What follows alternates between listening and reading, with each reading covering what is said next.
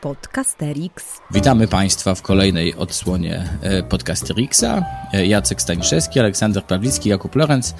E, zapraszam Państwa na mm, wysłuchanie rozmowy na temat tego, co zrobić w czwartej klasie i jak tej czwartej klasy nie zmarnować. Szkoły podstawowej. Ale za... Szkoły podstawowej, tak. Myślę, że tak. Tak, chociaż czwartą klasę szkoły ponadpodstawowej też można zmarnować, ale nie dzisiaj będziemy o tym rozmawiać, tylko o czwartej klasie szkoły podstawowej, ale zanim e, do tego... Ja bym chciał jeszcze wam opowiedzieć o moim czwartym roku studiów. Koledzy, ale zanim do tego przejdziemy, to mamy też y, kilka ciekawych wątków wprowadzających. Czyż nie? A i owszem, a i owszem. E, w takim razie ja e, od razu pozwolę sobie powiedzieć. E, ostatnio w poprzednim naszym spotkaniu pojawił się wątek e, wojen XVII-wiecznych i e, tak powiedzieć, podchwycę e, tę myśl o tyle tylko, że z perspektywy historii powszechnej. Otóż bardzo często jest tak, że nauczyciel czy nauczycielka historii są też nauczycielami czy nauczycielkami WOS-u i to pozwala tymczasem jeszcze, póki WOS tu i ówdzie się broni, tymczasem jeszcze pozwala szukać bardzo interesujących, rozmaitych mm, mostków pomiędzy nimi. E, I tak też mi się zdarzyło na ostatnich zajęciach, ponieważ równolegle ze zajęciami z historii, które były poświęcone e, tak zwanemu kryzysowi wieku XVII w historii powszechnej, na WOSie podjąłem e, temat związany z kryzysem jako takim. Innymi słowy, postanowiliśmy w ogóle przyjrzeć się temu, co to jest kryzys.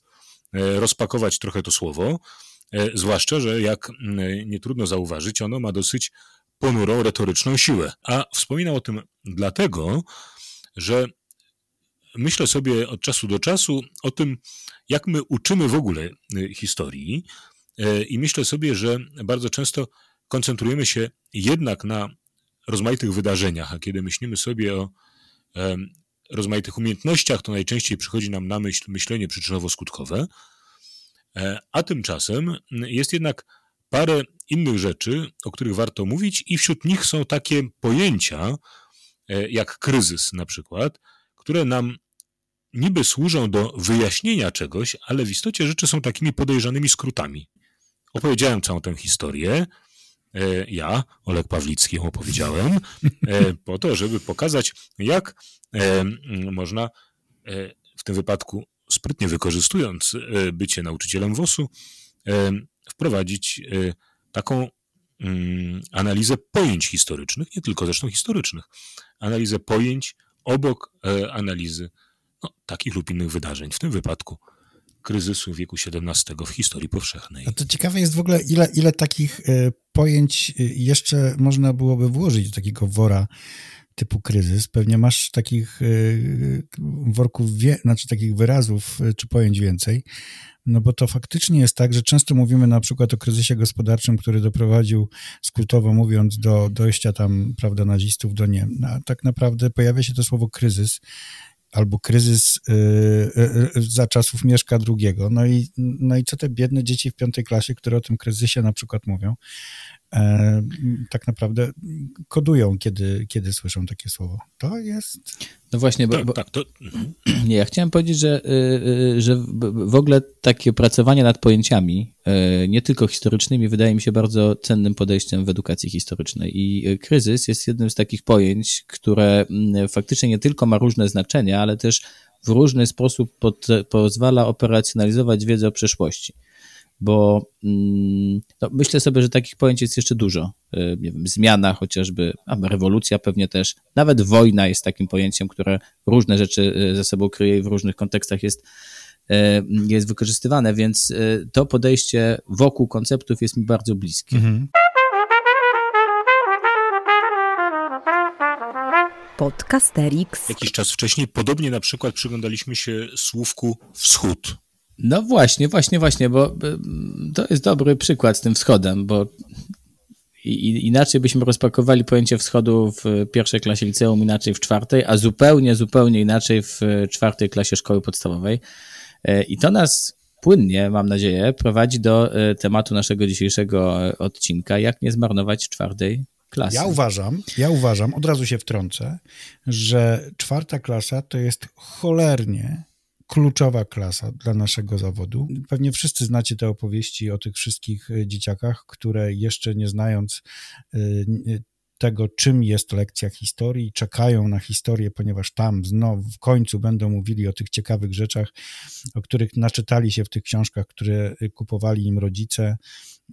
Tam poznaj, jak budowano piramidę, albo poznaj dobrawę żonę mieszka. Takie różne y, są wydawane różne rzeczy. Rodzice oczywiście im to kupują w dobrej wierze, wierząc, że jak przyjdą do szkoły, to rozwalą nauczyciela w trzy wiatry, ponieważ będą, wiadomo, lepsi niż, niż, niż oni, niż, niż ci nauczyciele, a tu się okazuje, że i to naprawdę słyszałem takie zdania, że przychodzi nauczyciel i mówi, no dobra kochani, zabawa się skończyła w historię, teraz zobaczycie czym jest naprawdę historia. Wprowadza podział, y, y, podział źródeł, po, wprowadzał podział y, epok, epoki na, na wieki, wieki jeszcze, oś przed naszą erą, naszą erą. Te dzieciaki jeszcze co prawda nie znają konceptu osi z matematyki, ale już muszą sobie obliczać ile to czasu i tak dalej, i tak dalej. No dobrze, to ja tu zaprotestuję trochę. W takim sensie, że mieliśmy mówić o tym, jak jej nie zmarnować, bo chyba zmarnować ją jest bardzo, bardzo łatwo. To ja bym chciał usłyszeć od Was, a myślę, że głównie może od Jacka, jak tego czasu nie zmarnować. Po to, że go łatwo zmarnować i jak wymagająca jest podstawa programowa, jak.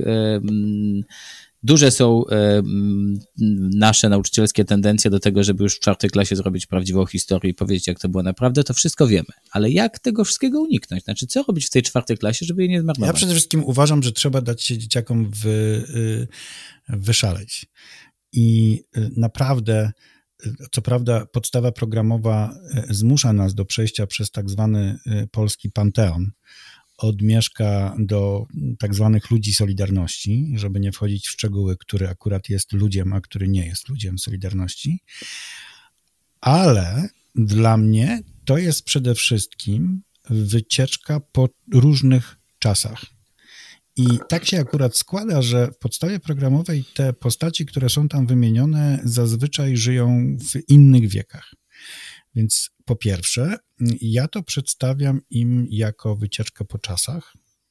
Absolutnie nie martwię się tym, że między jedną postacią, na przykład Bolesławem Krzywoustym a Kazimierzem Wielkim, nie ma zbyt wielkiego takiego, wiecie, no, niektórzy nauczyciele się tam boją, bo nie wprowadziliśmy w międzyczasie Bolesława Wstydliwego i jak to wszystko, albo już, nie wiem, tam rogatki i nie wiadomo jak to, jak to połączyć.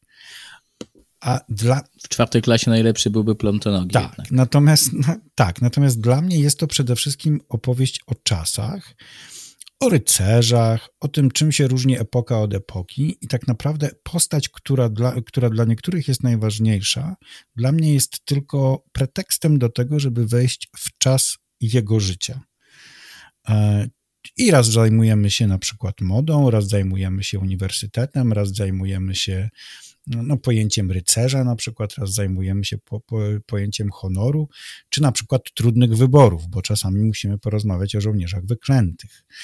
I y, tak to mniej więcej y, wygląda. Ale przede wszystkim to, co chcę powiedzieć, to jest nic na siłę. To znaczy, moim zdaniem w czwartej klasie nic się nie stanie, jeżeli damy uczniom do wyboru na przykład to o kim będziemy rozmawiać na następnej lekcji, bo im to się naprawdę nie musi jeszcze układać wiek po wieku tak dokładnie. No, no właśnie, ja mam takie intuicyjne, e, intuicyjne przekonanie, że e, jakkolwiek podstawa jest ułożona chronologicznie i te postaci się zawsze pojawiają w każdym podręczniku, który znałem chronologicznie, ale e, to jest tyleż wyzwanie i trudność, a tak jest rozpatrywane przez nauczycieli i jak się poczyta głosy, to głównie właśnie ten, e, ten brak ciągłości e, tego wykładu czwartoklasowego jest czymś, co, mm, co budzi wątpliwości i przeraża nauczycieli, ale wbrew pozorom to jest wielka szansa. To znaczy, skoro pogodzimy się z tym, że są to wyspy, e, Pytanie oczywiście, czy w innych naszych tradycyjnych narracjach o przeszłości to też nie są wyspy, tylko wiemy, jak skakać z jednej na drugą. Tak, Ale jeśli pogodzimy się, że to są wyspy, to dlaczego nie zamienić kolejność omawiania tych wysp, tak w zależności od tego, jak uczniowie no, by chcieli, albo to by ich interesowało i mm, nie wiem, co sądzicie o tym pomyśle, to ok, bo jeszcze drugi wątek, który wydaje mi się tutaj potencjalnie e, istotny, to jest wykorzystanie tej listy dodatkowej. Tak? Po to, żeby może skakać właśnie tam, gdzie uczniowie mhm. bardziej chcą, a nie tam, gdzie my musimy. Głównie lokalnych też, y, mm, głównie lokalnych też, na przykład u mnie y, uczę na Woli, y, dla mnie takim, takim bohaterem jest Wawelberg na przykład, którego, o którym mówimy mocno, no, ponieważ no, za ścianą jest, są, są budynki zbudowane przez Wawelberga, więc jakby tutaj zaglądamy, ale jak najbardziej tak, to jest, to jest coś, ale to, to chodzenie po wyspach tak jak się chce jest super pomysłem i ja czasami nawet te, te wyspy są narysowane u mnie, to znaczy te postacie wiszą przez cały rok na takim plakacie, który zazwyczaj e, e, e, rozklejam, kiedy wchodzę na lekcję i się po prostu pytam uczniów, to kim się zajmiemy w następnych, na następnej lekcji. W przyszłym roku mam zamiar zrobić po raz pierwszy taką, taki eksperyment, żeby zacząć od wieku 20 mm, pierwszego czy od dwudziestego i iść do tyłu, żeby y, jednak rozpocząć od tego, co jest dla nich najbliższe. Podcasterix. Słuchajcie, to y, jeżeli miałbym dorzucić swoje trzy grosze, to raz, żebym y, w tym sensie pewnie wzmocnił ten pomysł wyspiarski, jeżeli tak można go nazwać, że chętnie bym się przeciwstawił w każdym razie takiemu przekonaniu, że mianowicie, jeżeli będziemy coś e, e, prowadzić z dziećmi od mamuta do bieruta, czy od mieszka do leszka, jak wolicie, to to, że w ten sposób ukształtuje się mianowicie u dzieci właściwe poczucie chronologii i tak dalej, i tak dalej. Moim zdaniem z samego tego faktu, że się idzie chronologicznie, nic nie wynika. Bardzo ciekawy natomiast wątek jest ten, który się pojawił w waszej wymianie zdań, to znaczy dotyczący na przykład tego, co dzieje się na ścianach klasy, prawda? Gdzie e, nieustannie widać po prostu e, następstwo rozmaitych postaci w czasie i e, zdecydowanie lepiej pewnie wyjdą dzieci, które swobodnie wybierają sobie rozmaite postacie z linii, którą mają przed oczyma nieustannie, niż te dzieci, które nauczyciel ciągnie za sobą od mamuta do bieruta i ma nadzieję, że na skutek tego te dzieci będą potrafiły e, rozmaite, z rozmaitymi epokami sobie radzić. Ale poza tą pochwałą, którą kieruję wobec waszych e, zawadiackich pomysłów, e, jeszcze myślę o dwóch rzeczach, które dorzucę, chociaż rzeczywiście moje doświadczenia ze szkołą podstawową są bardzo odległe. A mianowicie, po pierwsze, mam z owych odległych czasów wspomnienie takiej myśli Morisa Debesa, która zawsze jakoś bardzo mnie inspirowała wtedy, a mianowicie, że nigdy e, wtedy, e, myślę o tym wieku podrostkowym, bo to są chyba podrostki wtedy, w tym wieku podrostkowym nigdy e, tak blisko siebie nie są ręka i umysł. Innymi słowy, DBS powiada w ten sposób, że to jest bardzo ważne, żeby jeżeli kiedyś, to właśnie wtedy pozwolić dzieciom na rozmaite aktywności takie rękodzielnicze, chciałoby się powiedzieć. E, ja muszę powiedzieć, mm, e, znam to też z bardzo odległych czasów, kiedy sam byłem uczniem i kiedy mój nauczyciel historii, który nie wiem, czy czytał Debesa, ale kazał nam e, rozmaite rzeczy rysować, lepić, składać i tak dalej, i tak dalej. I bodaj to są rzeczy, które ja najlepiej zapamiętałem. Jestem strasznie słaby w tym A z każdym kolejnym a z każdym kolejnym rysunkiem, który stwarzałem, biegłem do mojego nauczyciela żeby pokazać, jak odtworzyłem e, taki lub inny szczegół uzbrojenia, bo wstyd mi to mówić, ale głównie wtedy zajmowały mnie szczegóły uzbrojenia. E, I to, to jest jedna rzecz, o której myślę. A druga Nie, ale to rzecz, dobrze, zrobiłeś postęp. E, że już niekoniecznie interesuje że się też inne szczegółami. Rzeczy oprócz spustu tak, i... poszerzyłem, poszerzyłem. Teraz, teraz interesują mnie też narzędzia rolnicze. Um, otóż a, nawet Żeby przekuwać już... miecze na lemiesze. Tak właśnie, tak właśnie. Um, tak właśnie dotarłem tą ścieżką, ale y, powrócę jeszcze na moment do, do, drugiego, do drugiej idei, która jakoś wtedy też mi towarzyszyła. E, to były jeszcze czasy, kiedy przedmiot nazywał się Historia i Społeczeństwo, nie ta licealna, tylko właśnie ta podstawówkowa i e, to zawsze dla mnie było e, inspirujące pod tym względem, że wydawało mi się, że te tematy społeczne, które niekiedy nauczyciele zbijali, zbijali w kubkę i robili gdzieś na początku, a potem już była historia, że to są tematy, które aż się proszą o to, żeby je rozproszyć tak. po prostu. E, po całym programie i żeby uczynić je tematami filozoficznymi. Ponieważ byłem pod wielkim wrażeniem programu, programu Lipmana Filozofia dla dzieci. I bardzo wielu ważnych rzeczy związanych z tym, jak filozofować z maluchami w wieku właśnie wczesnoszkolnym, a potem podrostkowym. I, i szukałem też w tym kierunku, to znaczy w, szukałem mm, takich tematów i takich pytań filozoficznych i takich opowieści, które pozwalałyby, mm, no właśnie, filozofować na rozmaite tematy, a potem jeszcze na dokładkę jakieś rozwiązania tych dylematów filozoficznych znajdować e, w dziejach. No i... Więc tak pozornie sprzeczne rzeczy, bo raz o filozofowaniu, a dwa o tym, że ręka i umysł są blisko siebie w czwartej klasie. No właśnie, a może to są dwie komplementarne e, do siebie kwestie. Zgodnie ze starożytnym ideałem, e, ciało piękne i sprawne, no i umysł piękny i mądry. E, więc filozofia w, za rękę idzie w, z techniką i to chyba jest najlepsza recepta na to, żeby nie zmarnować czwartej klasy. I zakończyć ten odcinek. Tak, zakończyć ten odcinek. Także wy to zgrabnie robicie, te A. zakończenia. Bo y, nieważne jak zaczynamy. Ważne jak kończymy. Do widzenia. Bardzo Państwu serdecznie dziękujemy. To był podcast Erix, Jakub Lorenz, Jacek Stańszewski, Aleksander Pawlicki. Zapraszamy na kolejny odcinek. Zapraszamy. To był podcast Erix.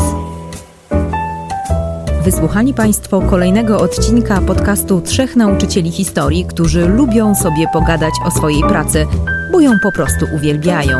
Tych trzech jegomości to Kuba z charakterystycznym R, Olek z charakterystycznym głosem i Jacek, który czuwał nad nagraniem i montażem. Podcast przygotowano dzięki wsparciu Szkoły Edukacji Polsko-Amerykańskiej Fundacji Wolności i Uniwersytetu Warszawskiego, w której cała trójka pracuje. Więcej informacji na stronie szkolaedukacji.pl. W czołówce wykorzystano dźwięki na wolnych licencjach, a głosu użyczyłam ja, czyli Adriana Bąkowska. Zapraszamy na kolejny odcinek.